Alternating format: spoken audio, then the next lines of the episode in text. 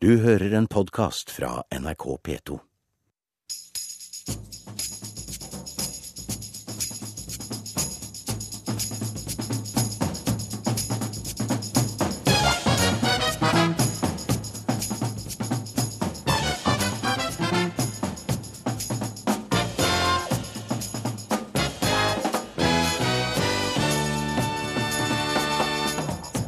Mange forventningsfulle politikere venter i spaning på en telefon fra Erna Solberg i disse dager. Jeg turde ikke gå på do i tilfelle telefonen skulle ringe, forteller en som har venta. Mange hundre røyster kasta i søpla pga. treg postgang kunne ført til at valgresultatet ble annullert. Ikke skyld på Posten, det er departementet som har vært bevisstløse, sier ordfører Trude Drevland. Og apropos valg, hvem blir ny landslagssjef? Man har hatt en trener langt til venstre. Det har ikke gått. Mange vil da si at pendelen bør gå helt til høyre og langt til høyre. Men det er nå engang slik at eh, det er flest velgere i sentrum, og de som vinner sentrum, vinner valget. Velkommen til ukeslutt. Jeg heter Sara Victoria Rygg og skal være sammen med deg den neste timen her i NRK P1 og P2. I løpet av sendinga skal vi også gi deg lyden av dyret som Ylvis-brødrene har gjort en verds, verdensstjerne i sin nyeste video. Men aller først siste nytt ved Eli Bjelland. Vi skal eh, først til Genéve, der USA og Russland er samlet om en avtale som tar sikte på å fjerne og ødelegge kjemiske våpen i Syria. Det sa den amerikanske utenriksministeren John Kerry på en pressekonferanse. Han eh, nett nå holder sammen med den russiske utenriksministeren Sergej Lavrov.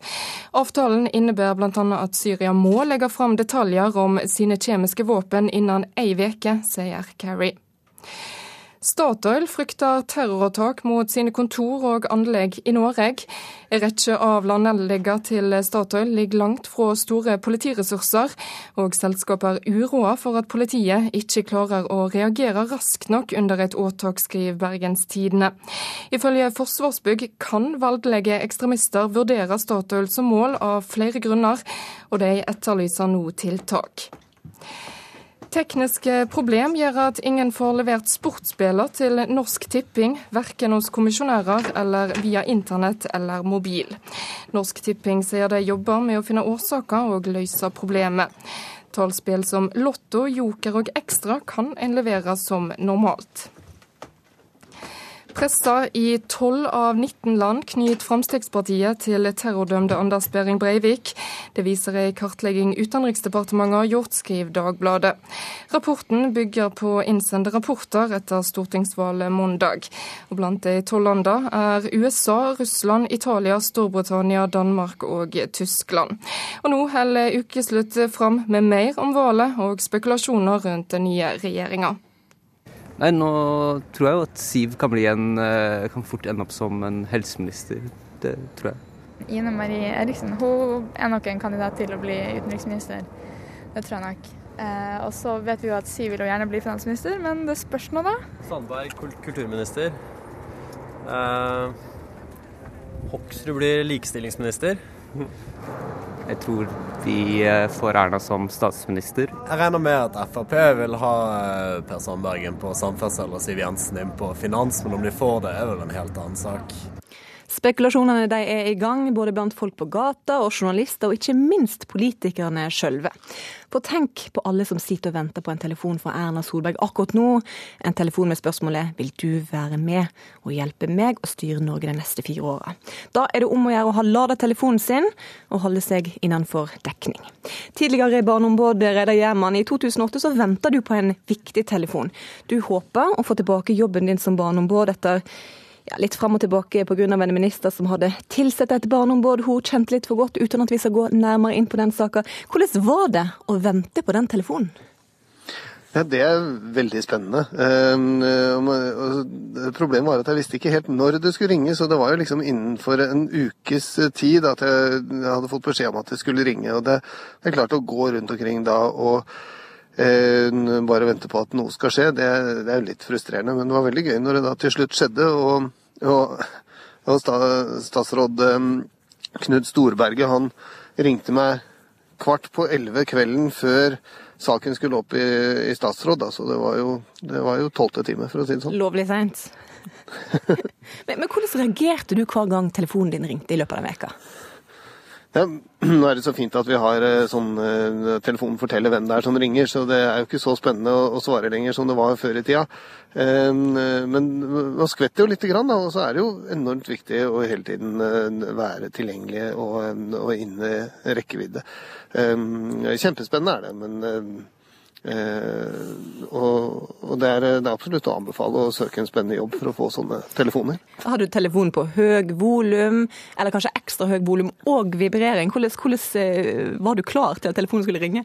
Det var ikke bare jeg, det var hele familien var jo klar. Og så 'Pappa, nå ringer det!' og så videre. Så det var, det var fryktelig spennende, da. Men, og så var det gøy når det en gang skjedde. Men så jeg prøvde jo det motsatte også, å få en telefon så, hvor jeg ikke fikk en jobb. For den, jeg, det var jo sånn med denne barneombudjobben at Ehm, det første gang de ringte, så fikk jeg beskjed om at de hadde valgt eh, noen med en annen fagbakgrunn enn min. Og det var ikke så morsom telefon å få. Så da var det jo ok at et par måneder senere da var eh, en telefon hvor jeg fikk jobben likevel. Mm. Marie Simonsen, politisk redaktør i Dagbladet. Gjerman forteller at han venter og venter, venter på den telefonen her. Hvor mange politikere er det som står og venter nå rundt omkring i Norges land på en telefon fra Erna? Etter åtte år i opposisjon, så er det jo ganske mange som eh, nå sitter og tripper og, og vil, eh, er klar for å ta en runde i de sorte bilene. Men, eh, men det kommer jo veldig an på disse forhandlingene, om det blir ett, to eller fire partier, eller til og med tre. Så det er klart at hvis det blir fire, så ser jo straks noen drømmen forsvinne foran øynene sine. Og så sier jo Erna Solberg at du vurderer å kutte ned tallet på departementet, og da blir det kanskje enda færre? Som får en Ja, men hun, har, hun, Erna Solberg innser jo også at her må hun ha noen poster å dele ut. Så hun eh, har understreket at eh, selv om hun kutter ned departementene, så skal hun beholde antall statsråder, antagelig. Men er det mange som blir skuffa? Det er det jo alltid. Eh, som regel de som ikke har så grunn til det, er, er min erfaring. Fordi de har liksom blitt hauset opp kanskje i media, men, eh, men, aldri har vært eh, noe særlig kandidater. Det går jo mange historier også om, eh, om eh, at det er blitt ringt feil. At eh, det har vært par hvor begge har vært kandidater, og, og den ene tar telefonen og tror begeistret at det er oh. Men så er det kona, og så videre. Men, eh, men dette er jo sånne gode historier, mytelaging rundt, eh, rundt denne dramaet om dette her. Men som sagt, dette ligger jo litt frem i tid. Det er ikke det første som skal skje. Først skal de bli enige om de overhodet skal sitte i regjering sammen. Ja, hvor langt er de kommet, tror du, med denne her eh, regjeringskabalen? Altså tankene på navn og, og den slags? Eh, de navnene har nok, eh, har nok, stått på blokka en stund og sånn, men, men det kommer jo som sagt veldig an på hva forhandlingene ender med. Eh, det er nok både Siv og Erna og Knut Arild og Trine har sine favoritter og har en vag fornemmelse av hvem de ønsker å ha i apparatet rundt seg. Og de peker seg ut noen selvfølgelige kandidater. Samtidig så syns jeg at disse spekulasjonene Nå er vi journalister i yndlingsmodus, fordi at uh, vi kan spekulere litt vilt uten at noen uh, fasiten kommer dagen etter. Uh, men veldig ofte så er jo de som snakker mest med media akkurat nå, de som vet minst. De neste dagene så blir det altså mye forhandling. Partiet må gi, gi i passemengde og ta i passemengde, og ikke minst må man bygge allianser, viktige allianser. Skuespiller Nils Ole Oftebro, du kan en ting eller to om, om det å bygge allianser. Du har vært programleder for reality-programmet Fangene på fort og Robinson-ekspedisjonen. Hva må de her fire partiene gjøre for å danne best mulig allianse? Ja, jeg må si at jeg føler at aldri har noen hatt dårligere bakgrunn for egne meninger enn jeg har akkurat på dette punktet her. Men når det er sagt, så har jeg gjort meg noen tanker om det. Eh, nå vet ikke om Erna har tenkt å ta med de andre programlederne på en øde øy. Det ville være interessant, selvfølgelig. Senja eller noe sånt. I forbindelse med oljeutvinning og forskjellige ting. Eh, det som var veldig typisk for de alliansene som holdt i Robinson, da, det var at de var mer personavhengige enn egentlig saksavhengige. De sakene det er det de starter med. Vi blir enige om ditt, enige om datt. Men skal det holde over tid og tåle slitasjen, så må folk like hverandre. Og én må ha pekt seg ut som en leder som de andre respekterer. For det kommer til å konge knirk overalt i alle typer allianser. Så det blir spennende om Erna har den tyngden også inn i de andre partiene. Det blir spennende å se. Jeg vil si at eh, Nils Ole her har en solid eh, politisk analyse. Det er faktisk, det er faktisk så banalt uh, også at personkjemien må stemme, og folk må ha tillit til, til Erna Solberg, som da er leder. Men hvor taktisk tror du politikerne tenker, Nils Ole? Jeg tror Først og fremst så tenker de vel at, um, som de tenkte i Robinson, at nå skal vi vinne de og de konkurransene. Hvis vi vinner de og de konkurransene, da blir vi på en måte immune mot å bli stemt ut. Og Sånn tenker vel på en måte politikere òg. De vil ha saker som de tror kan uh, på en måte selge dem inn til det norske folk, og dermed lage en grunnmur for den alliansen, om det nå blir tre eller fire partier som skal styre landet. Men så over tid så vil det jo også vise seg at det er andre saker som da blir liggende brakk. Man kan jo se på SV-skjebnen, det er klart at uh, begge småpartiene vil ligge i angsten for å havne akkurat den neste gang under sperregrensen istedenfor over. Så um, til å begynne med syns jeg ikke det er så spennende. Det er mer spennende hva som skjer om tre kvart år, om et år osv. Men, men jeg tror jo at uh, den uh, Robinson-metaforen kanskje stopper der, fordi at noe i Robinson er jo Noe av poenget er, å, er å, at man skal være litt drittsekk, og, og, det er mye spill frem og tilbake. Det ønsker jo ikke disse partilederne å fremstå som. Tvert imot, de skal jo nå gjøre seg mest mulig lekre og medgjørlige og hyggelige mot hverandre, og vise at de har vilje og evne og raushet til å jobbe sammen. Vi hørte at folk var godt i gang med spekulasjonene om hvem som blir ny finans, hvem som blir ny justisminister. Som politisk redaktør så har du vel hotte tips og inside information om dette her. Hvem er de hotteste kandidatene? Jeg sitter inne i hodet på Erna Solberg og kan rapportere direkte derfra. nei, jeg tror annet enn de mest åpenbare. Det var, det var litt søtt lenge før valget så sa, sa, man i Høyre at det eneste som er sikkert, er at Jan Tore Sanner skal inn i regjering, for han, han måtte bli igjen i Stortinget sist gang. Så, så litt hyggelig, men, men, han er jo en klar kandidat. Ellers er det jo partilederne. Og så eh, så er, jo, er, det jo mange også som sitter rundt omkring. Det er masse poster. Altså, det å sitte i regjering gir jo enorm gevinst også for mange under en underskog av statssekretærer, personlige rådgiver, politiske rådgivere.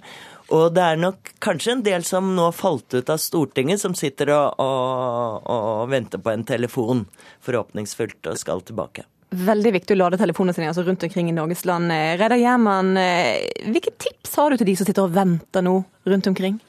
Ja, Det er altså selvfølgelig eh, være rask med å gå på do, for det er jo visse steder man ikke svarer på telefon. Eh, og så eh, Ellers så er det bare å smøre seg med tålmodighet. Og eh, hvis det ikke eh, Man må kanskje forberede seg og ha en plan B, da. For hvis det ikke kommer den telefonen man håper på, så må man jo bare innse det faktum at det finnes alltid flere gode kandidater til en jobb. Mm. Og, og, så høyt volum og, og, vibrering på telefonen, så du får med deg at den ringer? Ja, naturligvis. Det er jo kjempeviktig. Han er i bukselomma. Takk til deg, Reidar Gjerman, til deg, Marie Simonsen og Nils Ole Oftebro. Hva var det egentlig Siv sa til Jens? Morna, Jens. Morna, Jens. Morna, Jens. Morna, Jens. Litt mer beskjeden enn Siv Jensen sitt Morna, Jens! Mandag kveld sa Jens Stoltenberg at han kom til å gå av som statsminister etter åtte år med rød-grønn regjering. Ukeslutt gir deg åtte år med Jens og co., oppsummert på to og et halvt minutt. Soria Moria var jo på en måte et drømmeslott. Men Askeladden kom dit, og han fikk prinsessen. Så han greide å gjøre det om til virkelighet, og det skal vi også få til. Så jeg har et par rom det går an å låse oss inne på, f.eks. vinkjelleren. Kan hende det er helt nødvendig. Nei. Eh, vårt utgangspunkt er at dette partiet driver ingen uansvarlig økonomisk politikk. Jeg er enig i alt Oslo sier. Finansminister Kristin Halvorsen fikk en bløtkake i hodet på sin første arbeidsdag i Finansdepartementet i dag. Hun prøvde å løpe unna, men bløtkaka traff henne i bakhodet. Det var dumt, det. Har aldri hatt så vondt. Bjørn Håkon Hansen, du sier at folk må, det må stilles krav til sosial, de som mottar sosialhjelp, og de må stå opp om morgenen. Plikten vil jo være at en da får stå opp om morgenen som jo. et bilde på at rettigheter skal følges også av plikter i forhold til de eh, som skal jobbe. Mange sentrale SV-ere demonstrerte utenfor Stortinget i formiddag i protest mot regjeringens beslutning om å sende jagerfly til Afghanistan. Dette er et stort prosjekt for landet. Det er vår månelanding. Åslaug Haga gikk altså av i dag. Det må være lov å si at jeg i vår har opplevd at smått blir stort, og alt er blitt like viktig. Akkurat nå er jeg litt forbanna. Jeg er forbanna. Hun er frustrert og irritert. Det er jeg som har sittet og forhandla lange dager og lange netter. I flere timers telefonkonferanser. Og så skal jeg stå her og få kjeft. Kringsatt av fiender, gå inn i din tid. Vårt svar er mer demokrati, mer åpenhet og mer humanitet. Men aldri naivitet. Jeg har ansvaret for de feil som er begått, og jeg tar ansvaret. Jeg vil derfor foreslå for landsstyret å velge en ny partileder i SV. Jeg har tatt ansvar for det som jeg mener er en veldig viktig oppgave, eh, og som er en grunnleggende del av mitt ansvar. Og så at vi handler. Å ja! Morna, Jens! Altså, Hvis de da ikke greier det, så er jo jeg her. Uh, og Time vil show. Det var Helga Torgvær som ga deg et tilbakeblikk på åtte år med rød-grønn regjering. Du hører en podkast fra NRK P2. Frp er garantisten for å bygge veier uten bompenger i den nye regjeringa. Det sa Frp sin samferdselspolitiske talsmann Bård Hoksrud i forrige uke. Men medan de fremdeles ble jobba med å telle opp røystene etter valget, så modererte Frp seg og sa at de ikke garanterte bomfrie veier. Ukeslutt sin reporter Linn Beate Gabrielsen setter seg i bilen, trasser utallige bomstasjoner, for å møte de som er villige til å demontere det de kaller ransportaler. Hva er det du driver med? Her driver vi og demonterer. Du har ikke noe med det du gjør, du? Det gjør vel disse byene. Det er vår vei, da. Politiet kommer mens Johan Nome skrur på bomstasjonen på E18 i Sande i Vestfold sammen med 100 andre aksjonister i bilistenes aksjonsgruppe. Politimannen vrir først armen til Nome bak ryggen, før han tvinger ham i bakken. Du, du er pågrepet. Pågrepet? Hvis du setter deg til motvergen hos andre, for det òg. To uker etter er jeg på vei nedover den nedbetalte firefelts E18 gjennom Vestfold. Bommen står fortsatt, for å dekke utgiftene til å rive bommen. Der står politiet på venstre hånd ved Sandebommen. Kanskje venter de på han jeg skal ned og besøke. Bilistenes aksjonsgruppe. De har varsla at de muligens aksjonerer i dag, men de vet ikke ennå om de får mobilisert nok folk. Det skal jeg ned til Tønsberg for å finne ut av. Men først et lite tilbakeblikk fra valgkampen.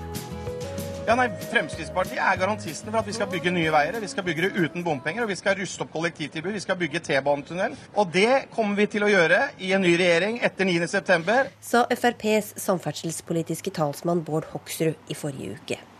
Bilistenes aksjonsgruppe anbefalte folk å stemme på Frp. Jeg møter Johan Nome ved en av de seks bommene som omringer Tønsberg. Her har vi en av disse famøse ransportalene som har hjulpet Tønsberg til å kreve inn 1,5 milliard på åtte år. Dere skulle prøve å demontere Ja. den bommen. Hvordan demonterer man en sånn bom som det her? da? Da må man rett og slett skru opp eh, det som er å skru opp, og så ta ned eh, delene. Det er aluminium, det er ganske tynt og lett. Det er ikke, det er ikke tungt. Det er ikke noe problem å ta det ned og fjerne det. En dreven eh, anleggsgjeng kunne fjernet dette på to dager uten problem. Det virker veldig rart at de skal bruke så mye penger borti Sande på å ta det bort. 26 millioner, det er Så det er 52 arbeidere i full jobb et helt år. Det virker veldig rart.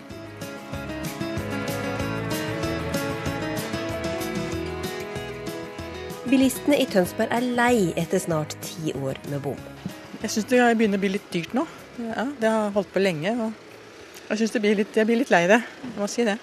Jeg syns vi kunne slippe det. Jeg syns det. Hvorfor det? Det er ganske dyrt. Jeg vet ikke hvor mange tusen jeg allerede har betalt. Ja, jeg er ikke mye glad i det. Hvorfor ikke det? Jeg betaler nok i avgifter og dritt på den bilen allikevel.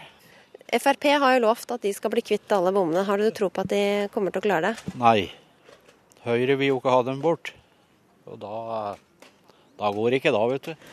Var det bare et valgflesk, tror du? Nei, det tror jeg ikke. Men jeg tror ikke den får gjennomslag, rett og slett.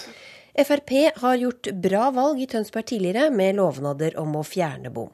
Mandag vant de borgerlige stortingsvalget. Vi har sagt til velgerne at det er viktig at de stemmer Fremskrittspartiet. For bare da får vi ordentlig gjennomslag for viktige Fremskrittspartiløsninger. Og det har velgerne sagt at de vil ha!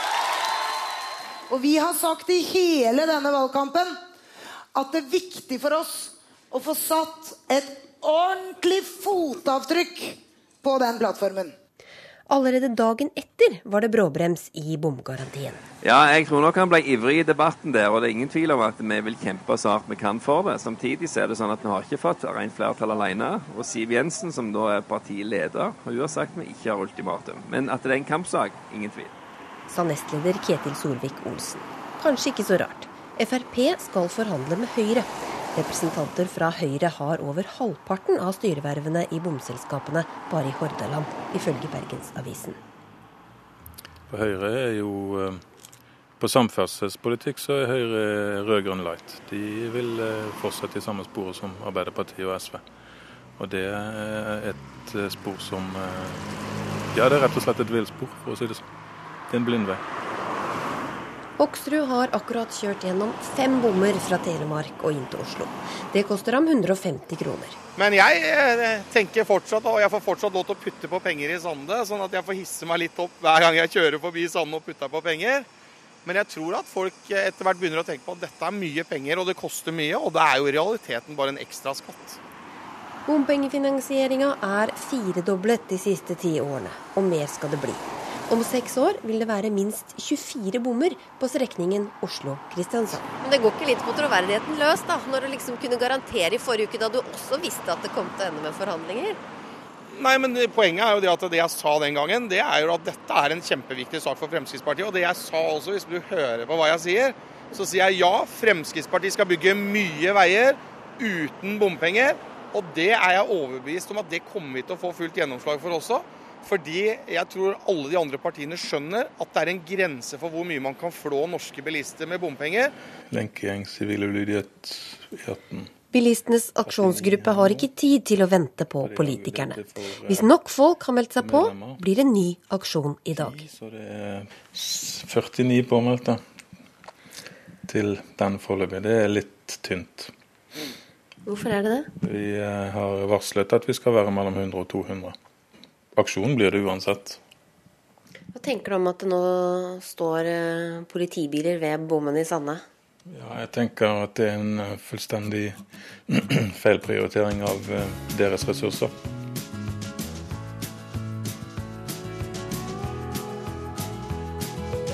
Hender det at du klarer å snike deg unna bommen, da? Nei, det er veldig vanskelig. Jeg har rett og slett sluttet å betale. Og kommer, jeg kommer aldri til å betale disse bommene igjen. Det, du bare lar fakturaen ligge? Det bunker seg opp, men det får det bare gjøre. Det, jeg nekter å betale urettferdig ekstraskatt som ingen vil ha. Dette er usosialt, udemokratisk. Ja, Egentlig så er det jo rett og slett ulovlig i forhold til norsk lov, da. Men Hva forventer du av Frp i disse forhandlingene nå? Jeg forventer at de, eh, at de står på det de har sagt. Jeg eh, forventer at de eh, vil jobbe aktivt for å få stoppet nye bomprosjekter. Så vi forventer at de, de holder det de har sagt. Du hører på Ukeslutt her i NRK P1 og P2. Hold fram med det å høre at en fotballtrener må lære oss å spille ball, og han må kjefte litt, ikke bare stå der og henge seg i miniputtene. Jakta på ny landslagssjef er i gang. Og hva lyd lager egentlig reven? Spørsmålet fra Ylvis-brødrene førte til en megapopulær musikkvideo som er sett av over 25 millioner mennesker. Ukeslutt gir deg lyden av rev. Norske laget! Jeg fatter og begriper ikke hva vi driver med. Ja, det var det mange andre som lurte på òg. Dagen etter landslagskampen mot Sveits så kunne vi se et stort bilde av vår kommende statsminister Erna Solberg på framsida av VG, der hun gjespa. Kampen ble kanskje ikke så spennende som hun hadde håpa på. Nok en gang så bør diskusjonen om Egil Drillo Olsen. Drillo har sagt at han skal slutte etter at kvalifiseringskampene er ferdige, men er han rette mann til jobben, mon tru? Og er vi egentlig for kravstore når det kommer til fotballandslaget vårt? Ukeslutt sin reporter Eivind Våge har prøvd å finne svar. Norge er jo ikke noe stor fotballnasjon, og fotballnasjon. Spillerne våre er jo ikke av internasjonal høy, høy klasse. Det sier Stig Torbjørnsen. Og jeg jobber som talentspeider for Rosenborg. Fordi like sikkert som at sommeren er over, så går det trått med det norske herrelandslaget i fotball. Og så er det 1-0! Så er det 1-0! Marerittstart for Norge! Skjer ballen inn foran målet, men å, så er det 2-0! Nå henger håpet om en VM-deltakelse i Brasil neste sommer i en syltynn tråd, og selv om mange nå mener Drillo ikke er rett mann til å føre fotballandslaget til nye høyder, så skal han ha for troen på eget lag. Vi er ikke så dårlige som, som resultatet tilsier. Sa Drillo etter tapet mot Island i fjor. Syns egentlig ikke vi gjør en så direkte dårlig kamp. Sa Drillo etter tapet mot Albania i vår. Og vi er ikke ute, og det, det er viktig å holde fast ved. Og det sa Drillo etter tapet mot Sveits på tirsdag. Talentspeider Stig Torbjørnsen mener Norges Fotballforbund nå må velge retning før de ansetter ny trener. Vil de tilbake til 90-tallet og Drillo hadde stor suksess med sin type fotball, hvor man tok oss til to VM-sluttspill, det er én vei å gå. En annen vei å gå Det er jo å se kanskje på den hollandske modellen eller den spanske modellen eller litt mer internasjonalt, om det passer oss. Noen som definitivt har meninger om hvilke kvaliteter en god fotballtrener må ha, det er de åtte år gamle guttene på fotballaget til Han eh, sier sånn at, at hvis vi er nær målet og sier at den er din når, man, når han tror at vi kommer til å skåre, eller sånn. Fotballtreneren må på en måte jobbe. Du må lære um, barna å spille fotball. Fotballtreneren skal ikke bare stå der og ikke gjøre noe. Han skal uh, hjelpe oss. Han eh, roper til oss at vi skal bytte, og, og om vi er i forsvar eller angrep.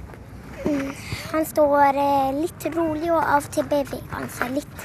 Er det greit at fotballtreneren kjefter litt på spillerne av og til? Ja, det er litt greit. For man, det skal kjefte litt. Hvis man spiller litt dårlig, skal man kjefte litt. En ny trener må ha tillit hos folket, han må ha en klar ideologi, og ikke minst må valgprosessen foregå på en ryddig måte. En som kan ting som dette, er politisk redaktør i NRK, Kyrre Nakkim. Som er veldig opptatt av fotball. For hvor er det man skal søke etter en ny trener? Er det i sentrum, til venstre, på høyresiden? Man har hatt en trener langt til venstre. Eh, Det har ikke gått. Eh, Mange vil da si at pendelen bør gå helt til høyre og langt til høyre. Eh, Men det er nå engang slik at eh, det er flest velgere i sentrum, og de som vinner sentrum, vinner valget. Syns du velgerne er for kravstore? Velgerne er alltid kravstore. Du kan aldri be om nye velgere. Du må bare tilpasse deg de som er der. Mange har en mening om landslaget, og hvem som bør styre skuta, og hvordan. Men noen ganger bør man ta de såkalte ekspertene der ute med en klype salt. Vet du hvem Drillo er? Hæ? Vet du hvem Drillo er? Hæ? Vet du hvem Drillo er? Drille? Det er altså ikke alle som er like opptatt av Drillo, men det er du, Lars Olav Karlsen. Du er visepresident i Oljeberget, supporterklubben for det norske herrelandslaget i fotball. Hvordan er det egentlig å være supporter nå for Ja, altså, vi er jo ikke så opptatt av Drillo, vi er veldig opptatt av landslaget. Og hvis landslaget gjør det bra, så er vi veldig veldig glad i Drillo. Og nå er dere litt sånn mm, Ja, det er litt som å være gift, da. Du kan bli veldig veldig skuffa over kona innimellom. Men eh, du skal jo ha troa likevel, da. ja, Har du troa på at det blir en tur til Brasil neste sommer? Brasil er vel kanskje litt eh, Det er en mulighet. Eh, og, og så lenge muligheten er der, så må du jo klamre deg fast til den. Og jo mer du leser om den muligheten, jo, jo større blir den jo. Eh, fotballekspert Thomas Aune, Norge blir liksom så skuffa når det går dårlig med landslaget. Ja. Hvorfor, hvorfor blir vi så skuffa? Nei, altså Sist gang Drillo leda landslaget, så gikk det jo så utrolig bra. Så da, da tenkte man at Norge var liksom ranka nummer to i verden, og de slo Brasil i VM og sånn. Og så tenker man at eh, det er sånn livet er eh, med Drillo som landslagssjef. Men det er egentlig ikke det. Norge er et lite land, har eh, værutfordringer og alt sånn, og er inne i en litt sånn bølgedal sånn generasjonsmessig. Så eh, det er vel kanskje det Norge vi ser nå, er vel kanskje det som egentlig er hverdagen. Eh, og så kan vi håpe at det kanskje kommer en generasjon som eh, er på gang nå, da, som kanskje kan bidra til at Norge blir litt, litt bedre igjen. Men, men hva, hva med forventningene våre? Har vi for høye forventninger til landslaget? Ja. jeg tror det. Men vi skal jo ha høye forventninger òg. Ja. Men, men en skal ikke ha sånne høye forventninger at en blir dødsskuffa hvis det ikke går inn. Nei, men Det er det man ofte gjør, da, at man har så høye forventninger, og så da blir eh, Som da ikke har blitt oppfylt på, på mange år. Og så blir det bare vondt å se landslaget, fordi man tenker å herregud, vi knuser ikke Sveits, som tross alt eh, er, er et lag som er bedre enn Norge. De har vært i åttendelsfinalen i 2006, slo Spania i Ja, VM spiller i 2010. alle de store klubbene i Europa, eller mer eller mindre. Ja. Og det, er, det, hø, det høres ikke så fantastisk ut som, eh, som Spania for, eh, og Frankrike, men det er et eh, Mm. landslag som er bedre enn skal være bedre enn Norge. Men, men dette her med at de fleste da er bedre enn oss, ja. fortjener vi egentlig å komme til Brasil med tanke på at vi er såpass dårlige? Vi burde bare holde oss hjemme Eh, og trene? Nei, altså fortjener gjør man Vi har vel ikke noe sånn kjempekrav ut fra det vi, det vi har levert, men, men jeg syns ikke det skal være så viktig heller. Føler ikke at all fotball går på fortjene, altså. Nei, for altså, Norge fortjente kanskje ikke det i 94, eller det var veldig gøy at de gjorde det. Så, så hvis man slipper unna med det, så hadde det vært helt topp. Men det er jo alltid greit å ha noen å skylde på. Ja, og, og det er liksom- klart. Ja, nå er det drillet som får, ja, får ganske masse pepper. Ja da, og det, altså, det er noe sånn som de guttene sa her før, at det, det, det, du, du ser ikke en engasjert eh, trener på seg. Du ser ikke en sånn Pep Gudioli-type som står og nesten kveler spillerne sine når, når de kommer inn for å takke for mål. Ehm, så, det er klart at det, det hjelper med en, en eh, karismatisk trener. Men en trener blir jo karismatisk hvis du gjør det bra. Så det er ikke bare hans skyld. Nei Nei da, det er ikke det. Men, men uh, han, uh, han han har kanskje gjort noen kritikkverdige ting, kan man vel si. Eh, Jeg, tror det, det er vel mulig å få det til noe bedre enn det Drillo har gjort eh, i det siste. Men, eh, men herregud, vi hadde, ikke, vi hadde ikke vært verdens beste nasjon med samme hvem som har trent Norge. Ja, for Det hjelper ikke å bytte ut landslagstrener nå og få en eller annen ny fjong-person, og så bare går vi rett til VM. Det er ikke sånn det fungerer. Nei. Hadde det bare vært så enkelt. Nei, Det er jo teoretisk mulig at Norge kommer til VM, men jeg tror ikke, jeg tror ikke det kommer til å skje. Men eh, Tidligere i sendingen så spekulerte vi i hvem den nye regjeringa blir. La oss nå bare fortsette spekuleringa. Hvem blir den nye landslagssjefen? Ja, jeg syns det hadde vært veldig gøy. Jeg synes det hadde vært veldig gøy med Ole Gunnar Solskjær. Eh, Det hadde vært litt sånn oppfriskende, og han er en stor stjerne, og, og folk har tru, tru på han, og jeg tror han er, ville gjort en god jobb også, men eh, jeg tror jo kanskje at det he- mer heller mot en fyr som Per-Mathias Høgmo, som har vært veldig, hatt masse forskjellige jobber i Fotballforbundet, og er en, eh, kanskje et tryggere valg på noen måter. Hva tenker supporterklubben om ny Det trener? er vanskelig. Det, altså, mange nevner at det kommer gøy med en utlending. Um, men, men så spørs det hvor mye penger har vi. Det er jo ikke vits i å bare få en utlending fordi han er utenlandsk. Så, ehm, så det, det er vanskelig å si. Jeg tror det er veldig mange meninger om det. Det er klart at en fra Ålesund, så har han lyst på Rekdal. Og en fra Molde, så har han lyst på Ole Gunnar. og- Så det, det går litt sånn eh, men, men det er veldig gode kandidater. Nå er det en kvinne som tar over styringa av Norge. Hva med en kvinne til å ta over styringa av landslaget? Ja, jeg tror det sitter litt langt inne for mange. Det tok eh, veldig lang tid før man fikk eh, kvinnelig norsk eh, kvinnelig trener for kvinnelandslaget. kvinnelandslaget. Um, det hadde vært morsomt, det altså. Men, eh, men jeg, tror, jeg tror ikke det er noen åpenbare kandidater akkurat eh, nå. Moro, men mm, ikke realistisk. Nei, det, det, det ville nok ikke vært moro heller, tror jeg. Jeg tror det er stemninga. Nei, altså Hvis ikke hun eh, revitaliserte og vant alle kampene, så tror jeg hun ville fått veldig store problemer.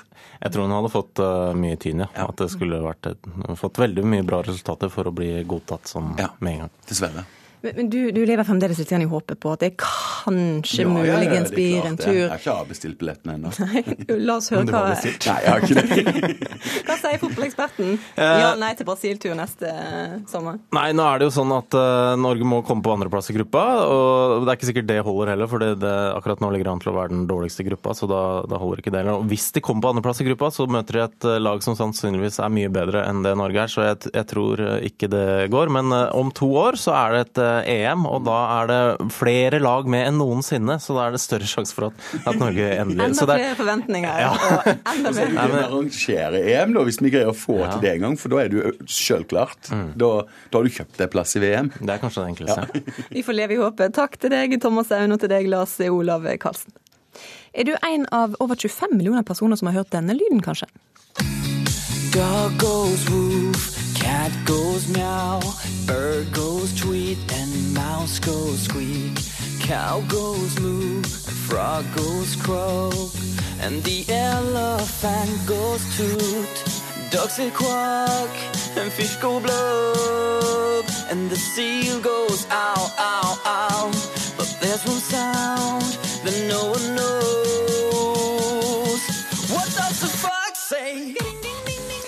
Hva lyd lager reven, synger Ylvis-brødrene, og til nå har altså over 25 millioner mennesker sett denne her megahiten. Denne veka så gikk låta til eh, de norske humoristene inn på en 29.-plass på Billboard singellista i USA, og nå så er den fjerna fra iTunes-butikken pga. bråk om opphavsrett. Altså en veldig populær og omtalt låt. Men tilbake til egentlig spørsmålet. Hva lyd lager reven? Ukeslutt spurte zoolog eh, Petter Bøckmann. Det fins jo flere revearter, men den vanlige rødreven den har en sånn skrik, som er eh, 'her er jeg'. Og så er det mer sånn som er uh, revetispas eh, 'her er jeg og vil ha meg ro'. Og så har, du- kan de klynke etter det hvis de får vondt. Og så er det sånn når de lurer på ting. Reven lager innmari mye lyd. Reven er jo sånn i utgangspunktet litt enslig dyr, men så er den ikke helt enslig. Den er litt sånn som katta, som kan veksle på å være sosial og enslig. Og da lager den lyd. Da må den si fra til nærværende dyr at 'her er jeg, og hvor er du', og 'jeg vil ha meg', og 'jeg vil ikke ha meg', og 'hold deg unna', osv. osv. Det er hundedyr, men de, de bjeffer ikke sånn som du ville forestille deg. Det er ikke voff, voff eller beff, beff eller et eller annet sånt. Det er, det er sånn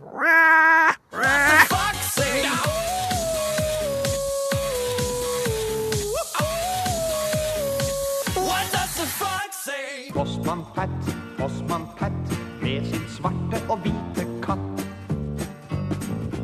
Alltid tidlig ute på sin postmannsrute har han all posten med seg i sin bil. Postmann han er alltid tidlig ute på sin postmannsrute, men slik er det ikke alltid den virkelige verden. Hundrevis av førerhandsrøyster ble forsinka i posten, og nådde aldri fram til heimkommunen før eh, valglokalet stengte på mandag. Det gjorde at de ble kasta i søpla. Og dette kunne ført til at valgresultatet ble annullert, ifølge valgobservatørene som fulgte valget i Norge. Ordfører i Bergen, Trude Drevland, hvordan reagerte du da du hørte at 500 røyster, 200 av de fra din kommune, måtte kastes i søpla? Nei, Det er uakseptabelt. Det, og det har jo ikke noe med postmann Pett å gjøre, stakkars. Det har jo noe med systemet å gjøre. Og et manglende godt nok system i en teknologisk verden. Det kan jo ikke aksepteres. Det er jo, eh, det er jo sånn at vi hadde faktisk en del av de som sto på listene, som gikk i flere dager og lurte på om de var inne eller ute av Stortinget, fordi de manglet noen få hundre stemmer. Eh, Dette kan ikke departementet på noen måte skylde på noen andre enn sitt eget dårlige system. Eli Blakstad, du er statssekretær i Kommunal- og regionaldepartementet. Hvordan kunne dette her skje? For det første så har jeg lyst til å si at eh, for oss så er det jo viktig at forhåndsstemmene blir med dagen er eh, over. Um, og vi vet jo at uh, tidligere, fram til 2002, så var det jo sånn at forhåndsstemmer som, var, som kom i løpet av tirsdag, nå var med i opptellinga. Men på det tidspunktet så var en jo opptatt av at en skulle komme i gang med telling raskt. At en skulle ha et uh, mest mulig riktig valgresultat så fort som mulig. Eh, slik at eh, regelen ble endra, og stemmene, forhåndsstemmene må være på plass i kommunen du tilhører klokka ni på mandagskvelden. Men nå blir jo dette her Eh, mye så har vi rot av. Det er jo da vært opptatt av, vært opptatt av at eh, det betyr at eh, hvis du forhåndsstemmer i den, en kommune der du ikke hører hjemme, eh, så har du mulighet til det til og med fredagen før valgdagen. Men nå tar du hele regelverket, og det er greit. Men vi må vite hvorfor skjedde dette her? eh, Hvorfor skjer det slik at eh, de blir forsinka og, og, og blir kasta? Altså det, du har mulighet til å forhåndsstemme på eh, til og med fredagen før valgdagen. Og når du har avgitt din stemme i en kommune, men bor i en annen kommune, så har den kommunen som du stemmer i, eh, plikt til å sende den stemmeseddelen til den kommunen du hører hjemme i. og der har vi vært opptatt av at det må sendes enten med A-post, eller det må sendes på en raskere måte. Tror du Drevland, hva, hva Ja. syns du om dette? Nei, eh, regelverket trenger vi ikke. Det kan vi. Eh, Vi har, lever i en teknologisk verden. Det finnes elektroniske måter å overføre stemmer på. Og dette har vært tilfellet med forhåndsstemmer og forsinkelser har vært tilfellet i tre valg tilbake. Det kan da umulig ta så lang tid for et departement å ikke tenke regelverk, men tenke system. Vi har nå fått et system hvor vi kan registrere alle stemmene elektronisk. Vi forventer av departementet som en minimum at de før neste kommunevalg har løst dette, slik at vi kan overføre disse stemmene også elektronisk til gjeldende kommuner, og da har vi løst problemet. Og da kan faktisk alle stortingsrepresentanter som har fått stemmer, få lov til å komme inn på Stortinget. Eli Blakstad, hvorfor, ikke, hvorfor fortsette med posten og ikke gå over til elektronisk, f.eks., sånn som Revland sier her? Altså, det har jo i Norge vært en stor diskusjon omkring det elektroniske systemet og på valg. Eh, og det, i år så har vi jo brukt det nye EVA-systemet eh, fullt ut for første gang i alle kommuner. Um, og det er ingenting vi i Norge er så opptatt av skal være ordentlige uh. Når folk avgir sin stemme, så skal du være sikker på at stemma di er med i opptelling. Eh, Og jeg kan være enig med Drevland i at her må vi etter hvert finne systemer som gjør at dette her elektronisk kan leses i de kommunene som du har avgitt. Men hvorfor er ikke dette her gjort det tidligere, Eli Blakstad? Det er jo ikke første gangen, det er ikke første gangen dette her skjer. Det skjedde jo det har skjedd i 2011. Da var det to av fem norske kommuner som sa at de fikk innføre Hans Røiste, så de måtte kaste. Og i ni. Kommunene som eh, sitter med ansvar for stemmelokaler, vet at vi har ikke hatt sånne rutiner på plass ved forhåndsstemmingen i år. Og derfor så har det vært helt tydelig, eh, klart, at eh, forhåndsstemmer må sendes på den sikreste mulige måten, enten med A-post eller på raskere vis. Sånn at kommunen som tar imot forhåndsstemmen, er og gjør sitt beste for at forhåndsstemmen skal være av de rette kommunene i hende på mandag klokka ni. Drevland, vær så god. Ja, vi har alle kommuner har sendt dette på raskest mulig vis.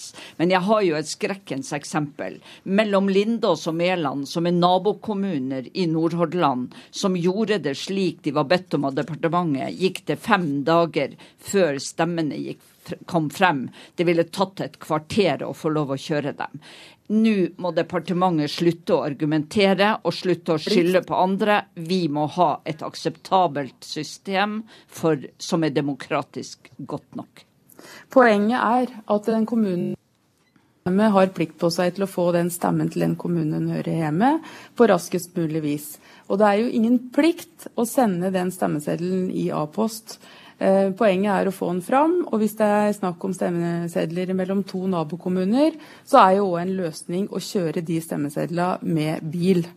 Eh, Og kommunene var jo klar over at eh, forhåndsstemmer var det ikke noe teknisk elektronisk system for opptelling på før årets valg. En måtte finne en måte å få de stemmesedlene til de ulike kommunene på best mulig vis. Når det er sagt, så er jeg Eli Blakstad, du forsvinner litt igjen for oss hvis du hører meg nå. eh, Hører du meg, eh, Eli Blakstad? Jeg hører. Ja, flott. Vi, altså Valgobservatørene som var i Norge og observerte dette, her, de sa de at eh, den type svikt i, systemet kan føre til at, at et valg må annulleres, og at det må, må ha nytt valg. Hva, hva gjør dere for å unngå at dette her skjer igjen? Vi er opptatt av at forhåndsstemmer i valgoppgjør, og er opptatt av at færrest mulig forhåndsstemmer blir forkasta. Og etter, eh, etter hvert valg, og etter årets valg, så vil vi ta en evaluering av dette her, sånn at vi oppnår bærer resultat om to år. Dette, det er ingen holdbar situasjon, det er jeg helt enig med Drevland i. Nå er jeg jo glad for at jeg kanskje får kortere vei til departementets toppleder i framtida enn det jeg har hatt før. Så jeg skal nok i hvert fall sørge for å meddele at vi kan ikke drive med evalueringer inn i evigheten. Vi må få en handling som virker. Takk til deg, Trude Drevland, og til deg, Eli Blakstad. Ukeslutt er over for i dag. Ansvarlig for sendinga var Kari Li. Eli Kyrkjebø styrte teknikken. Oda Holm Gulbrandsen var skript. Og jeg heter Sara Victoria Rygg. God helg!